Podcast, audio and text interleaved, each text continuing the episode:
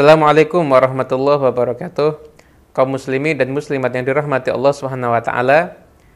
Kita akan sama-sama mempelajari firman Allah Subhanahu wa taala yaitu dalam surat Al-Qasas ayat ke-14. Allah Subhanahu wa taala berfirman, "Walamma balagha ashuddahu wastawa atainahu hukma wa ilma wa kadzalika najzil muhsinin." Yang artinya dan ketika Nabi Musa telah mencapai usia yang cukup yaitu ada riwayat yang mengatakan umur 33 tahun atau umur 40 tahun wastawa serta telah sempurna akalnya maka kami memberikan kepadanya hikmah dan ilmu. Wa kadzalika najzil muhsinin dan demikianlah kami membalas orang-orang yang berbuat baik. Dari ayat ini kita bisa mengambil pelajaran yang luar biasa berharga yaitu yang pertama bekal yang Allah berikan kepada semua nabi adalah ilmu ilmu adalah hal yang paling penting di dalam kehidupan kita. Ketika kita ingin menggapai dunia, kita butuh ilmu. Kita ingin menggapai akhirat, kita butuh ilmu. Bahkan kita ingin menggapai kesuksesan dunia dan akhirat, kita pun juga membutuhkan ilmu. Nabi Muhammad SAW sempurna. Akhlak beliau sempurna, fisik beliau sempurna, akan tetapi Allah hanya meminta kepada beliau satu tambahan, yaitu waqul rabbi zidni ilma. Katakanlah wahai Muhammad, Rabbi ya Allah, tambahkanlah kepadaku ilmu. Nabi Muhammad ilmunya sudah sempurna, tapi Allah memerintahkan kepada beliau untuk selalu meminta tambahan ilmu. Satu hal yang luar biasa yang menunjukkan kemuliaan ilmu. Maka jadilah kita semuanya orang yang semangat untuk mencari ilmu karena dengan ilmu lah kesuksesan akan kita peroleh, sukses di dunia dan sukses nanti ada di akhirat. Pelajaran yang kedua, yaitu di akhir ayat ini Allah dalam firman-Nya mengatakan kadzalika najzil muhsinin dan begitulah kami membalas orang-orang yang berbuat baik. Bisa kita pahami balasan dari perbuatan baik adalah mendapatkan ilmu dan hikmah. Siapakah yang berbuat baik sehingga Allah membalas dengan ilmu dan hikmah? Yang berbuat baik yang pertama adalah Nabi Musa.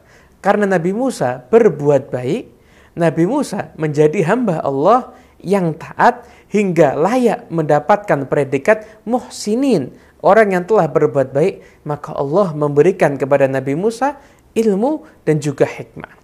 Dan barang siapa yang suka berbuat baik, maka insya Allah Allah pun juga akan memberikan hal yang sama. Allah akan giring dirinya untuk menjadi seseorang yang mendapatkan ilmu yang bermanfaat. Akan tetapi ketika ada seseorang yang rajin mencari ilmu, tapi maaf, kelakuannya kurang baik, akhlaknya kurang baik, dikhawatirkan apabila tidak berubah, ilmu yang ada pada dirinya dikhawatirkan itu ilmu yang kurang bermanfaat. Kemudian najzil muhsinin. Allah membalas orang yang berbuat baik. Siapa yang berbuat baik? Dikatakan yang berbuat baik adalah ibunya Nabi Musa.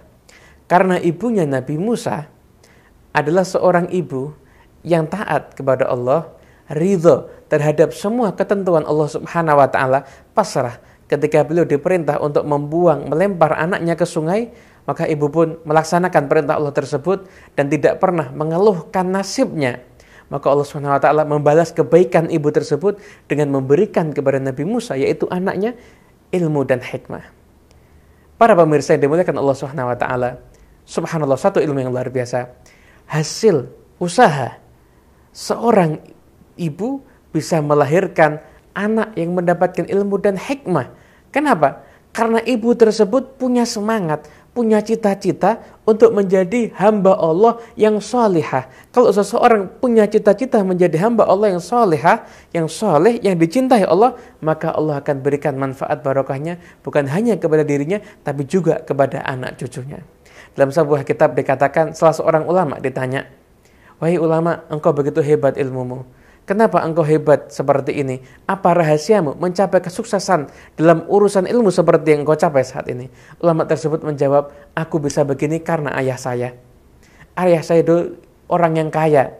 Ayah saya itu orang yang kaya, akan tetapi selalu mengeluarkan hartanya untuk membantu setiap orang yang ingin menuntut ilmu selalu memfasilitasi para penuntut ilmu, memberikan biayanya, sarana dan prasarana. Karena ayah saya memuliakan orang yang menuntut ilmu, maka Allah jadikan saya orang yang berilmu. Ini semua karena jasa ayah saya.